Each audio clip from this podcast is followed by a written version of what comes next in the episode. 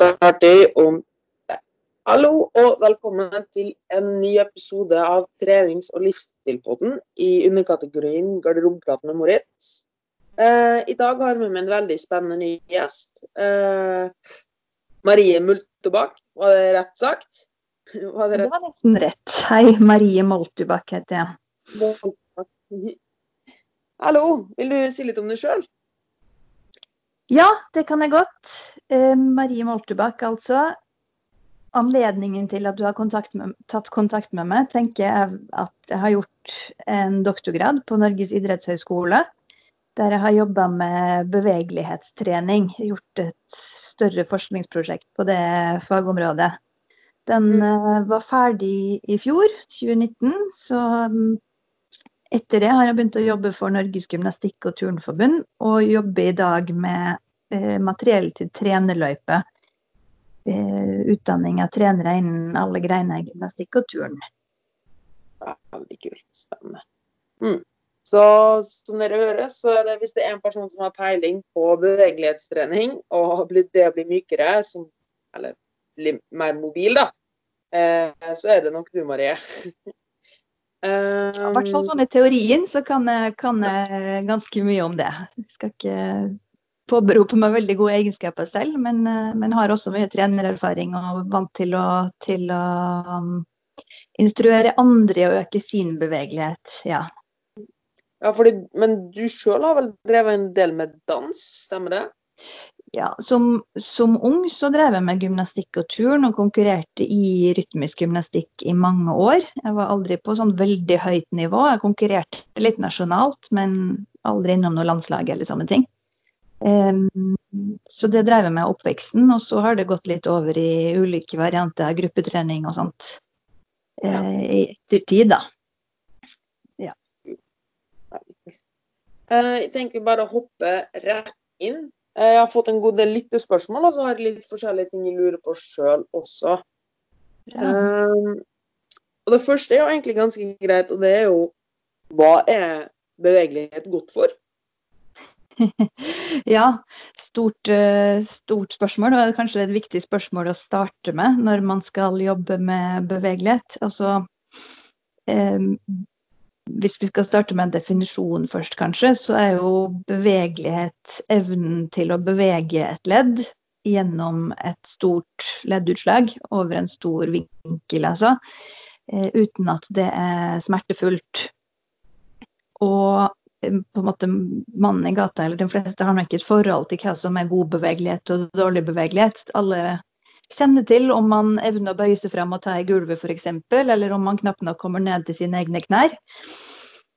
Og så er det jo Ja, unnskyld. Den klassiske, den klassiske knytte skoa-problematikken. Ja, ikke sant Knytte skoa selv.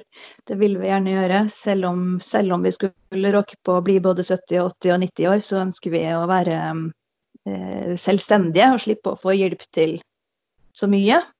Mm. Eh, men så, så, spørs det jo litt om man, man, jobber i en idrettskontekst, treningskontekst, eller om man snakker om eh, funksjon i dagliglivet. Jeg vet ikke om du kjenner til dine lyttere og hvilke perspektiver de fleste av dem har?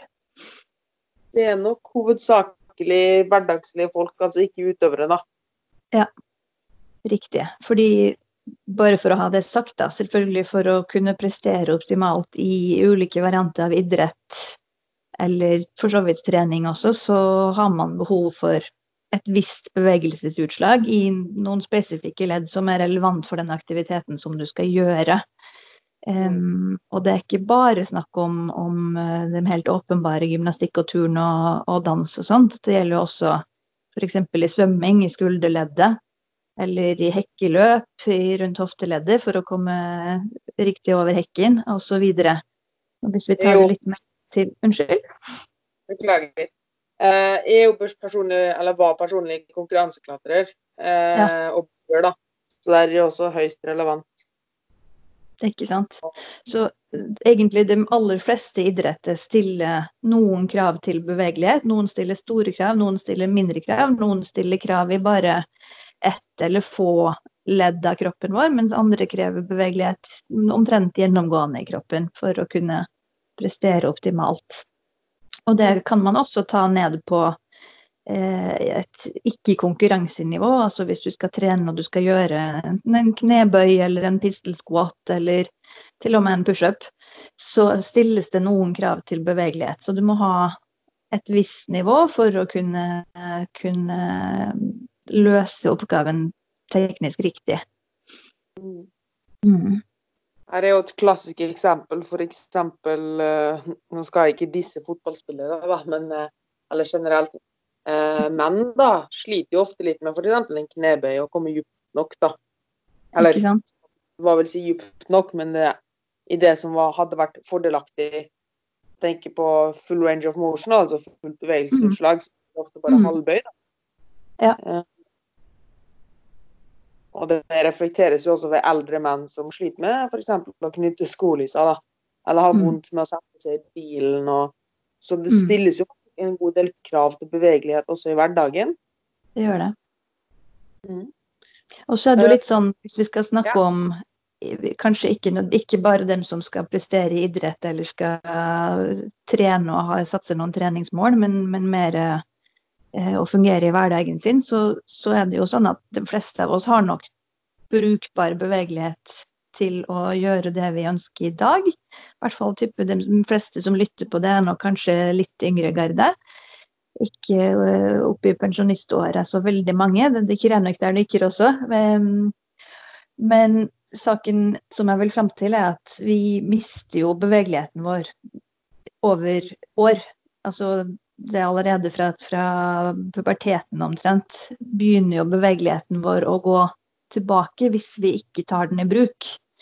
Og, og, det du kan gjøre i dag, som enten du er 20 eller 30 eller 40 eller 50, det har du kanskje ønske om å få lov til å fortsette å gjøre selv om du skulle bli 60, 70, 80. Og da kan det være lurt å jobbe litt med å beholde den bevegeligheten du har. Eventuelt utvikle den der du ser at du allerede i dag kommer litt til kort.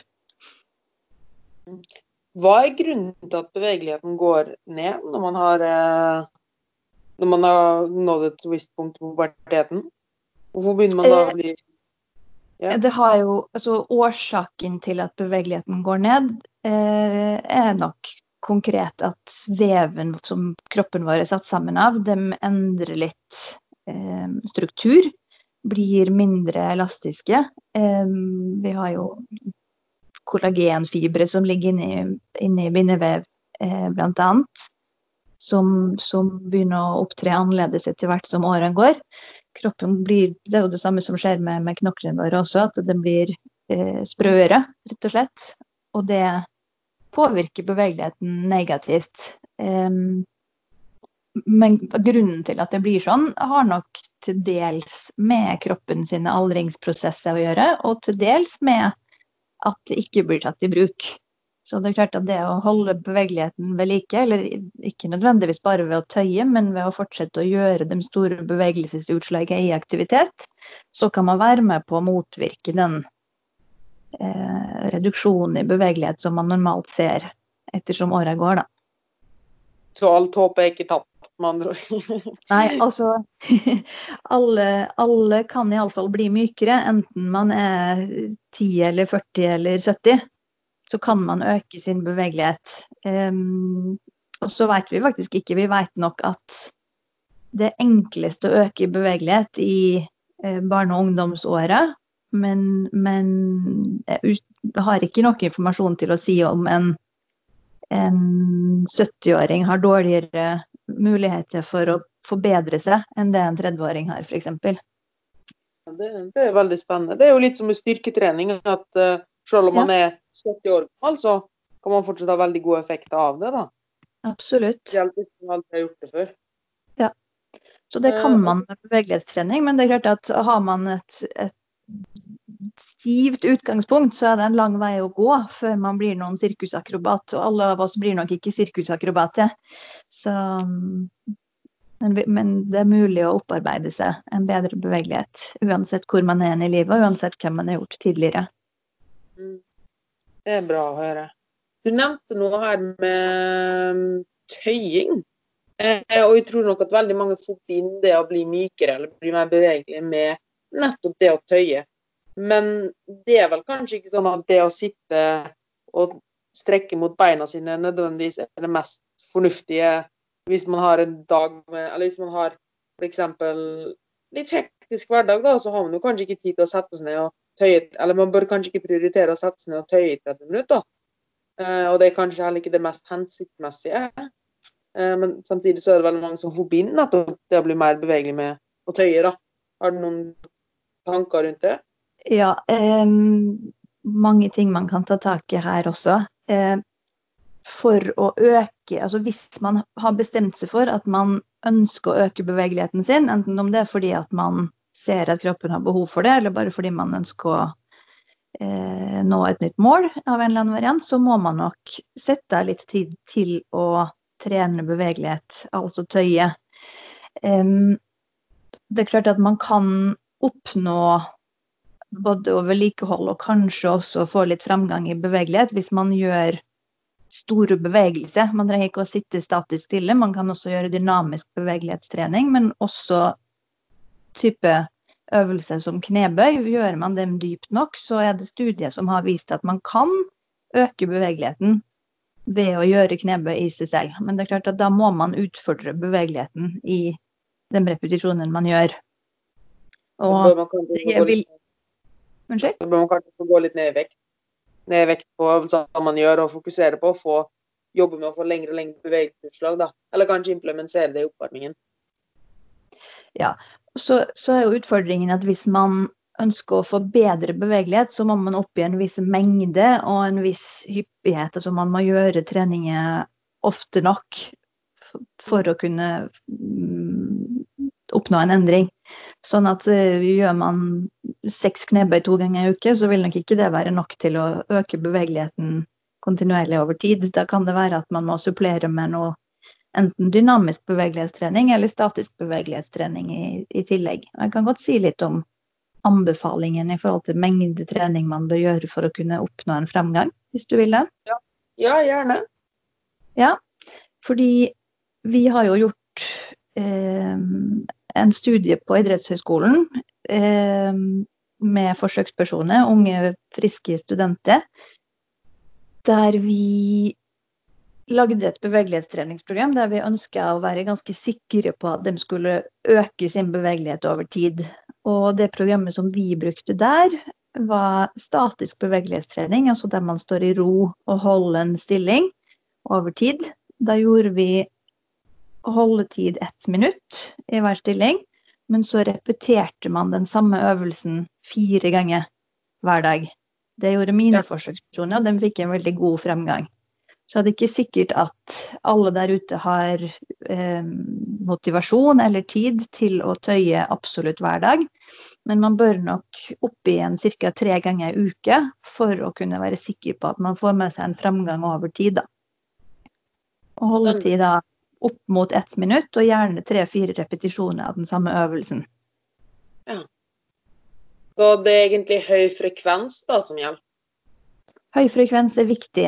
Eh, effekten av bevegelighetstrening varer jo, eller av hver enkelt økt, varer jo veldig, veldig kort. Det er snakk om en time eller kanskje mindre enn det. Eh, men for å få en sånn repetert effekt som varer lenger enn den akutte effekten man får umiddelbart etter, så må man gjenta det hyppig nok. Ja. Så typ, hvis du jogger en gang i uka og tenker at du skal bli mykere av å stå og strekke ut i 20 sekunder den ene gangen i uke, så har du nok misforstått. Da, du må gjerne gjøre det hvis du vil, men det vil ikke være nok til å øke bevegeligheten din på sikt. Ja. Uh, nå når du, du, snakker veldig mye allerede om det å øke bevegeligheten. og um, hva er det egentlig som skjer? For jeg tror veldig mange tror, eller jeg tror kanskje veldig mange har litt feil oppfatning av hva som faktisk skjer i kroppen når vi blir mykere og mer bevegelige. Mm. Ja, eh, det, det, er jo interessante spørsmål. Og det er litt sånn at da jeg begynte på idrettshøyskolen, eller til og med da jeg begynte på mastergrad, så visste jeg alt om bevegelighetstrening. Og jeg kom jo da fra gymnastikk og turn og har drevet mye med det, og følte at dette hadde jeg full kontroll på. Og egentlig allerede fortsatt nå, etter avslutta doktorgrad og store forskningsprosjektet, så veit jeg nok litt mindre nå enn det jeg trodde på det tidspunktet. Fordi eh, en del mennesker tenker jo det at når man trener bevegelighet og blir mer bevegelig, så er det fordi muskelen vokser og blir lengre. Og det er nok ikke tilfellet. Den myten kan vi avkrefte med en gang. Det er i hvert fall eh, altså Muskulaturen vår har kapasitet til å vokse og bli lengre. Og det kan nok hende at det skjer en, i bitte liten grad ved noen type trening. Men det er absolutt ikke det som gjør at du blir mykere når du trener bevegelighet. Så det hjelper ikke å tøye for å få lange og slanke muskler? nei, nei, det er en stor myte. Så, så, men, men, så har det jo vært gjort noen forskningsstudier på ja, 80- og 90-tallet som en del har hørt om, og som noen journalister tar frem ofte hver vår og skriver om i avisene sine, der det står ofte overskrifter av typen 'Nå kan du slutte å tøye, det er ingen vits, det hjelper ikke'. Um, og bakgrunnen for mange av dem studien, eller for mange av dem avisartiklene egentlig, og overskriftene, er jo det at man har vist at bevegelighetstrening eller uttøyning ikke gjør det mindre støl. Men så er det klart at det er mange andre grunner til å tøye enn at man skal bli mindre støl. Altså som det å øke bevegelsesutslag for å kunne oppnå en viss teknikk eller en funksjon i dagliglivet sitt. Da. Ja, så det, det, avkrefta meg fort en myte til, at uh, tøying ikke hjelper mot stølhet neste dag. Mest sannsynligvis, da. Du... Nei, altså i hvert fall så uh, Det som har vært gjort av forskning på det feltet, har ikke klart å dokumentere at det å tøye ut gjør at du blir mindre støl. Uh, og det har nok mye å gjøre med det at stølhet er jo måtte, kroppen sin respons og reparasjonsprosess etter den treningen. og den selv om den er ubehagelig, så trenger vi jo egentlig den for å kunne bygge kroppen sterkere. Så den har jo en, en hensikt i seg selv, og det er ikke meninga at vi skal skru av den, faktisk.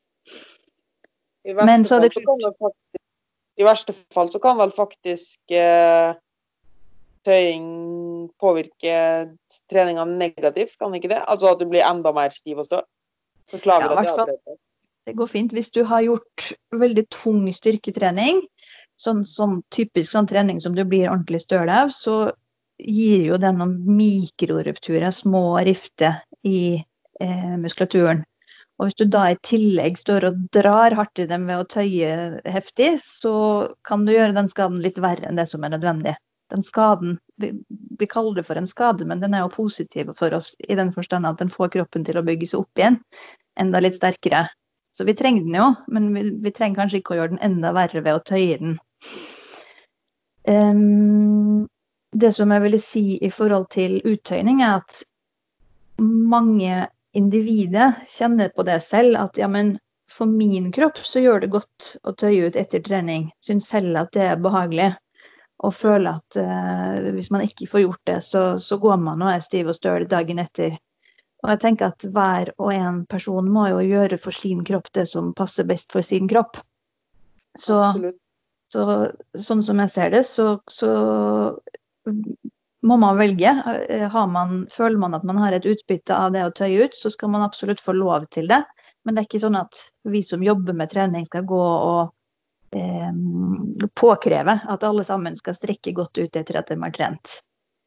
Om noen har lyst til å gjøre en test, så kan man jo bare trene tungt på, på begge bein eller begge armer, og så kan man tøye godt ut på den ene sida og se om man syns det er noen forskjell dagen etter. Så får man kanskje noen svar for egen kropp. Ja, det var veldig lurt. Mm. Men, så, men hvis nå ikke musklene blir lengre, mm. uh, hvorfor, blir man da, hvorfor klarer man da plutselig å nå Hvis man da jobber sånn som du har nevnt nå, jobber tøy kanskje strekke Sitter kanskje på gulvet og strekker seg etter føttene, eh, tærne sine. Og prøver å nå tærne sine, og gjør det tre ganger i uka, da. Eh, tre ganger om dagen med ca. ett minutt, sånn som du anbefalte, da. Eh, og så blir man mykere, da. Og så klarer man å ta bort de tærne sine etter hvert. Mm -hmm. Hva er grunnen til at man får til det? hvis det ikke er ting som blir lengre. Ja, og da kommer den neste oppfatningen som jeg ofte møter når jeg snakker med mennesker om bevegelighet. Da er det jo en del som, som tenker at det handler mest om å lære seg til å tåle smerte. Og det er jo en teori som forskningen også har presentert for, eh, på 80- og 90-tallet. At det som gjør oss mer bevegelige, er at enten at vi tåler mer smerte, eller at det, kroppen signaliserer mindre smerte ved å gjøre den samme bevegelsen. Mm. Eh, nå, og det har vel i grunnen vært en rådende teori, eller det har i hvert fall vært det som forskningen har klart å vise frem til ganske nylig. Nå, særlig i mine studier, men også noen andre studier som begynner å bli publisert nå, så ser man jo også flere andre indikasjoner på at det er ikke bare smertetoleranse som endrer seg. Det er ikke bare i hodet ditt, det skjer også noen endringer lokalt. Altså der ute i leggen f.eks. Hvis det er leggen du har trent, så skjer det noen ting i leggen også som gjør at du får en bedre bevegelighet over tid. Mm. Ja, for jeg hadde hørt om den der med smertetoleranse, da, så det andre var veldig spennende. Det blir gøy å se hva, hva dere kommer ut med etter hvert. Jeg gleder ja, meg veldig til det. Ja, Så bra. Det er, jo, det er, jo, definitivt sånn at smertetoleranse spiller inn. At man lærer seg til å tåle mer smerte, eller kanskje at kroppen serverer litt mindre smerte. Det, det gjør nok at du evner å komme til et større bevegelsesutslag over tid.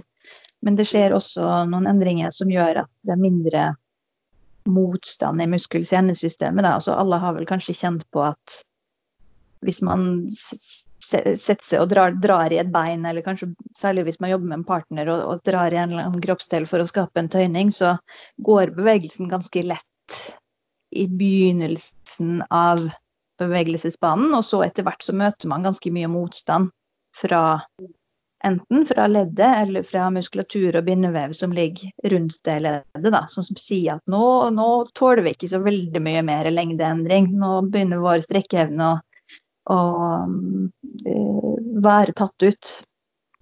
Og der, der, der ser jo vi nå ut fra mine studier at det skjer en endring som gjør at den motstanden går ned, og da må det være et eller annet i det muskel-senesystemet som har kanskje blitt mer elastisk, eller at muskulaturen holder mindre igjen. Eh, eller at det skjer noen endringer på leddnivå. Men akkurat helt konkret hvilke endringer det kan være, det har vi ikke klart å peke på enda. Spennende. Det gleder jeg meg veldig til. Mm. Um, så var det en ting også jeg ville ta litt opp her, og det var det med at um, Det blir jo litt mye Det er jo veldig mange myter rundt tøying og slikt, så det er jo litt det det går i um, i dag. Ja. Og det er jo at veldig mange F.eks. hvis de er stive i hofte, stive hofte eller stive i bakside lår eller har vondt i ryggen, så tror de at de forbinder med en gang det at de er stive, med at de må tøye. Um, men det er vel kanskje ikke Eller det er vel kanskje ikke slik at hvis du har, hvis du har vond i hofta eller stive hofteleddsbøyere, eller at du har f.eks. en veldig stor anterior bekkentilt, da, altså at du har svai, kjempemye svai i ryggen, mm. Eh, så er det vel kanskje ikke det å tøye som er det alltid løsninga, da. Jeg vet ikke helt. Det er litt egentlig et spørsmål. ja, jeg er enig med det at det er litt uavklart. Eh, kanskje begynne først med det som du snakker om, at folk har vondt og kjenner seg stive og sånn. Der har vi jo litt uh, uklare begreper, egentlig. fordi av og til kjenner man seg stiv på den måten at muskulaturen står og er litt anspent. Og da å gjøre en tøyning på muskulatur som kjennes litt anspent, det vil nok kunne bidra til at den muskulaturen slapper bedre av. Da bruker man en tøyning ikke for å øke bevegeligheten sin, men rett og slett som en avspenningsteknikk. Og som, kanskje som et alternativ til massasje. Så om man er stiv et sted i form av anspent muskulatur, så kan tøyninger være med på å, å få til en avslapning. Mm. Ja. At det blir såpass stor kontrast på en måte at da etterpå så slapper man av? på en måte? At man løsner ja. opp? Ja, også, ja, i tillegg så vil man også få en økt blodsirkulasjon. eh, gjennom å gjøre en tøyning. Eller idet du gjør en tøyning, så er jo eh, blodomløpet litt avstengt. Men når du er ferdig med tøyningen, så øker blodomløpet. Sånn at i sum så blir det ofte en positiv effekt på, ja. på muskulaturen. Da. Så, så, hvis man føler at man er stiv som i anspent, så kan man gjerne forsøke å tøye litt på det for å, for å avspenne. Ja, det var et godt Men om man, om man, som du snakker om, eh, har en bekkentilt og en stor svai i ryggen, så er det jo eh, sånn at det kan kanskje komme av eh, kort muskel-senesystem, gjerne hofteleddsbøyer. Eh, som det kan hjelpe å tøye på, men det kan også være en, en um, holdningssituasjon. Altså at man, man, har lagt seg til noen vane eh, å ha en holdning som, som tilsier at, at, ryggen blir svai. Og det er veldig spennende å lære mer om i hvilken grad bevegelighetstrening kan overføres til teknikk eller til posture, eller altså holdning, i, i, det daglige.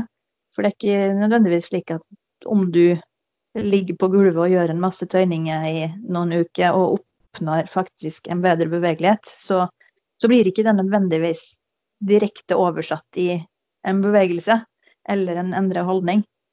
Så, så, det viktigste kanskje for å justere en holdning, i den grad det måtte være behov for det, det er ikke alltid det er behov for det, men om man har konkludert med at man må prøve å endre en, en kroppsholdning, så, så, er det nok mye bevisstgjøring. Ja, bare minne seg Få en ny vane, rett og slett? Ja.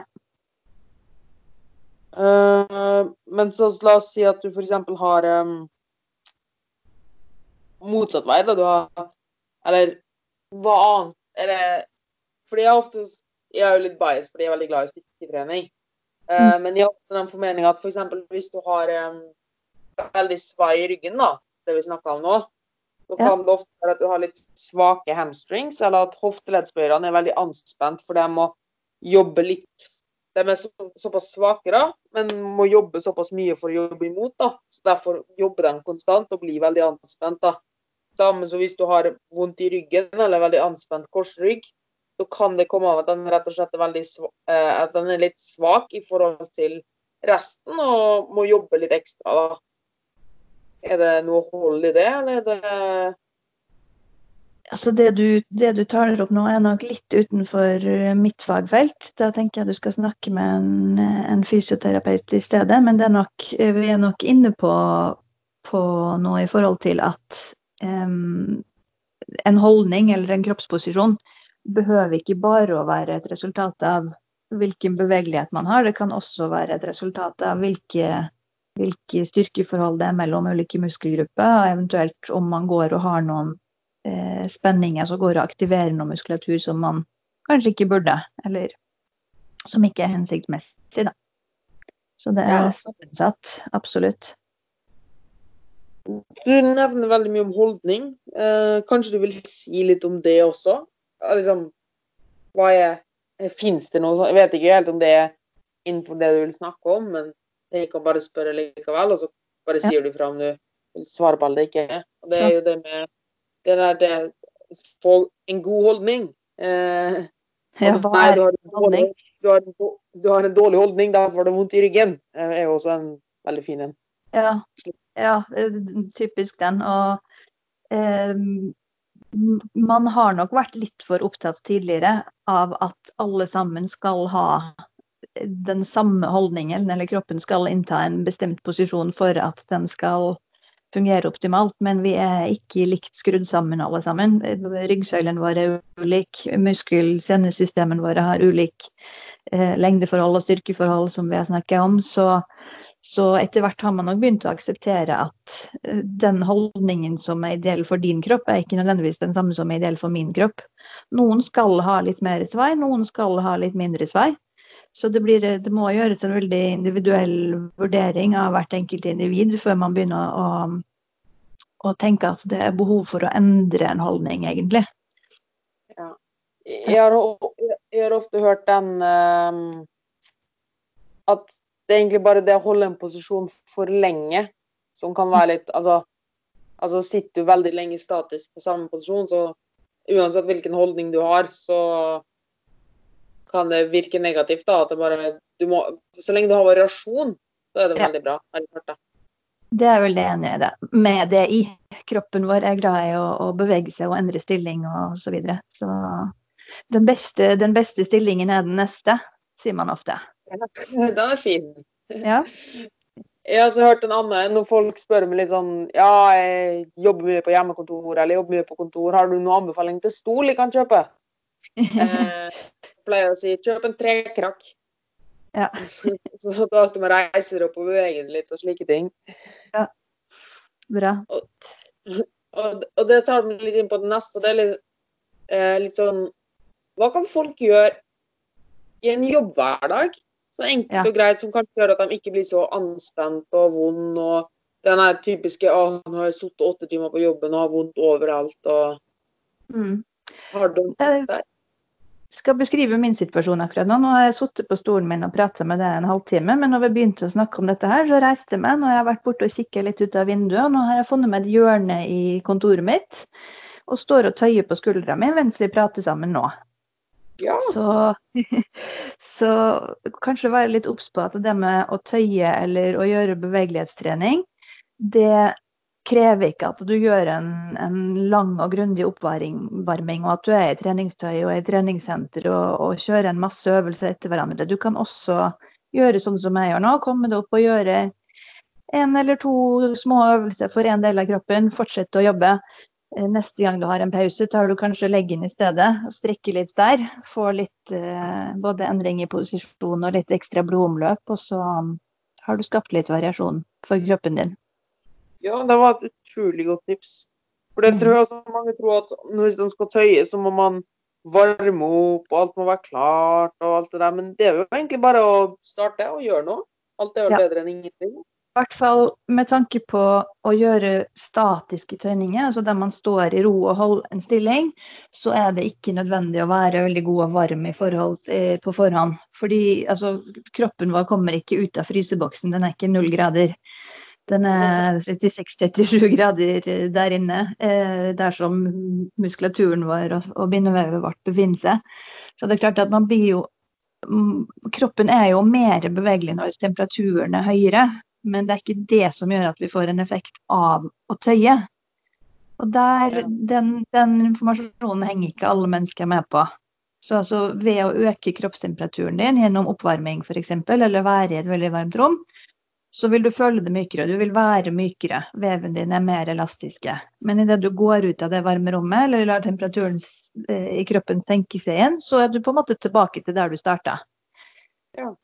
Så om du tøyer i et varmt rom eller kaldt rom, det har ikke, ettersom vi vet, noen betydning for hvilken effekt du får av tøyninger. Så, Mm. så, og det er ikke noe økt skaderisiko um, så lenge man gjør rolige, statiske tøyninger der man har full kontroll hele veien. Så, så det må man gjerne gjøre uten oppvarming. Og da er det litt enklere å implementere det i en hverdag. Enten om det er at man tøyer litt i kontorpausen, eller mens man sitter og scroller på Instagram, eller i det hele tatt. Ja, det var egentlig veldig godt, godt tips der. Og veldig nyttig informasjon. Spesielt det med ikke at, du, at det faktisk ikke har noe å si om du er varm eller kald. Det er jo litt Mm. spennende. Ja. Eh, Og en annen, en annen ting som, som jeg opplever hindrer folk kanskje i å jobbe litt med bevegelighet, at man tror kanskje at man må gjøre 15 forskjellige øvelser og jobbe seg gjennom hele kroppen hvis man først skal tøye. Og det er jo absolutt ikke slik at alle vi har behov for å gjøre de samme 15 øvelsene for kroppen vår. Så man kan gjerne velges ut ett eller to eller tre områder som man ønsker å fokusere på, og gjøre bevegelighetstrening bare for dem. ja, det var Tar det plutselig ikke en halvtime, da tar det kanskje ti minutter. Eller hvis du deler det opp i løpet av en dag, så får du det gjort i forbindelse med telefonsamtale og tannpuss og nyhetssendinger. jeg, jeg personlig er jo veldig glad i Når jeg kommer hjem fra jobben eh, om kvelden, så setter jeg meg fremfor TV-en i fem minutter og tøyer. Bare for å koble av og liksom la dagen gå. Og da er det ikke sånn Det er bare det jeg føler for at nå er jeg litt stram her, eller jeg har lyst til å bli mykere her, og slike Mm. ting. Mm. Ikke sant? Veldig fint opplegg. Og da kanskje et veldig praktisk tips da. Rydde litt plass foran TV-en. Kanskje legge fram en matte, sånn at terskelen er enda litt lavere for å bare dumpe ned der, i stedet for å dumpe ned i godstolen. Det var et godt poeng.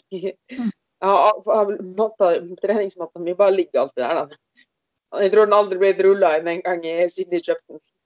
Ikke sant? Men det kan nok skyldes litt latskap også. Ja. Jo, jo. Eh, Du sa du hadde litt dårlig tid, så jeg skal være litt respektfull for tiden din. Eh, Ja. Aldri dårlig tid nå, bare litt lite tid. Jeg har et møte etter hvert. Men vi har litt til, litt til tid. Det går fint. Ja. Når var det du måtte fyke? Hvor lenge har du cirka? Ti minutter kan vi bruke. Da har jeg, et, da har jeg to spørsmål til. Og det er nummer én eh, Dine beste tips til folk som med din, som med din kunnskap, da, hva kan du si til hverdagslige folk? Hvordan bør de bruke Det er et veldig vagt spørsmål, men det er bare det som skyter rett inn i hodet ditt. Hvordan kan de bruke bevegelighet og bedre bevegelighet og mobilitetstrening til å få et bedre liv? Ja, da tenker jeg at man er nødt til å starte med det samme som toppidrettsutøveren gjør, faktisk. Altså gjøre en liten analyse av hva er behovet, hvor har man behov for bevegelighet. F.eks. komme seg ned til skolisse, eller opp på hattehylle, eller i kjøkkenskapet, eller hva det er for noe. Eh, og så må man sjekke statusen. Hvordan ligger han i forhold til å få til dette her?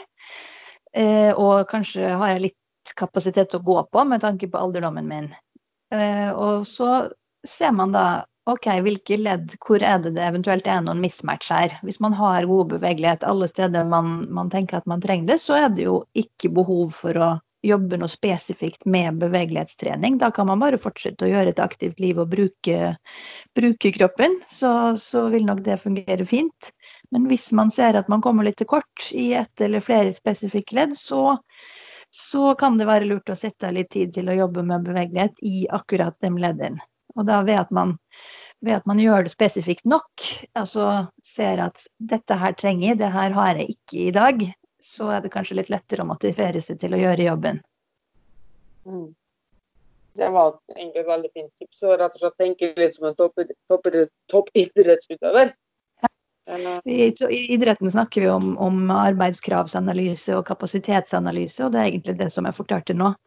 Sjekke, tenk over hva du trenger, og tenk over hvor du står i dag, og så gjør du noen ting med det som ikke stemmer overens. Mm. Og da kan man jo rett og slett finne ut hva man trenger å jobbe med, og så kan man implementere det du sa tidligere med høy frekvens. Altså gjør det ofte, og så trenger det ikke nødvendigvis være så altfor lenge, og man slipper heller ikke å varme opp. Gjør terskelen lav. Ja, spre det heller hvis du, hvis du koser deg med å, å gjøre en lang, en lang bevegelighetstreningsøkt etter at du har løpt eller løfta vekter eller hva det skulle være, så må du gjerne gjøre det. Men du kan også like fint spre dem, dem tøyningen utover hverdagen din. Altså når du snakker i telefonen eller står og pusser tenner eller når det måtte være. Gjøre det til en vane. Implementere det noen steder. Ja, Det var et godt tips. Og helt til slutt er det siste spørsmålet før vi skal ha litt sånn plugs og sånn. Det er Hvis du hadde møtt deg sjøl for ti år siden, med den kunnskapen du har i dag, hva hadde du sagt til deg sjøl da? Eh, ja, hvor var jeg for ti år siden? Da ja, Det spørs jo litt hvilket område vi skal jobbe på. Eh, For ti år siden så drev jeg og planla å gjøre doktorgradsstudie og forskningsprosjekt på bevegelighet. Så, og med tanke på det, så, så er jeg i grunnen fornøyd med den valget vi etter hvert tok, men det har vært en lang vei. Og da, på det feltet så er jo rådet bare fortsette å jobbe, stå på, holde ut. Man kommer, man kommer i mål, og det lønner seg. Det, det blir verdt det. Det var, det var hørtes ut som du er veldig fornøyd med valgene du har tatt, i hvert fall. ja, du, du, du, satt der og lurte på om jeg skulle si at eh, ville jeg gjort det igjen, eller ville jeg ikke gjort det igjen. Fordi det, det å drive med forskning er jo en heftig krevende prosess. Det tar veldig mye tid og av og til litt nattesøvn og definitivt uh, stjeler fritidsaktiviteter og, eller tid fra det. Men, men, det er jo noe med det å den uh, befrielsen å få de svarene man har lett etter. Ja. Jeg har enorm respekt for den tålmodigheten. Altså det, det arbeidet du gjør. Det er veldig spennende. Det er veldig, veldig langsiktig og tidkrevende arbeid, og så får man noen bitte små svar, som, som, og kanskje noen små svar som gir noen små forskjeller som mannen i gata kanskje ikke engang forstår utgjør noen ting. Men uh, til sammen, så i det store bildet, så de, de små forskningsfunnene som hver og en gjør, uh, bygger jo det store bildet. Absolutt. Uh, hadde det ikke vært for nettopp sånne som det, så hadde jo forskninga stått stille. Så selv om det, det bare er en dråpe i havet, så uten noen dråper så hadde det ikke vært noe hav. Nemlig. Det, det står stor respekt, respekt, av det du gjør, og du må bare fortsette. Hjertelig takk for det. Spesielt. Um, og så helt til slutt så tenkte jeg å bare si, gi deg muligheten til å si hvor folk kan finne deg, hvis de vil finne ut litt mer om det, eller jobben du gjør, og, eller hvis de har spørsmål til det, kanskje. Riktig. Da er nok den beste kanalen å bruke, i hvert fall med tanke på bevegelighet, bevegelighetstrening og sånt, det er Instagram. Jeg har en Instagram-konto som er det samme som navnet mitt, Marie Moltubakk. Og det er jo et hobbyprosjekt for meg, for det er ikke det jeg jobber med i det daglige. Så nå i disse koronatider, når når eh, det er lite tid til overs, så har det ikke vært så mye aktivitet der. Men jeg har noen planer om å formidle noe mer eh, informasjon om bevegelighet og bevegelighetstrening der etter hvert. Og det ligger veldig mye fagstoff både fra min forskning og andre sin forskning. Jeg kjører noen spørsmålsrunder av og til, og tar gjerne imot spørsmål på, på melding også, hvis det skulle være noen ting.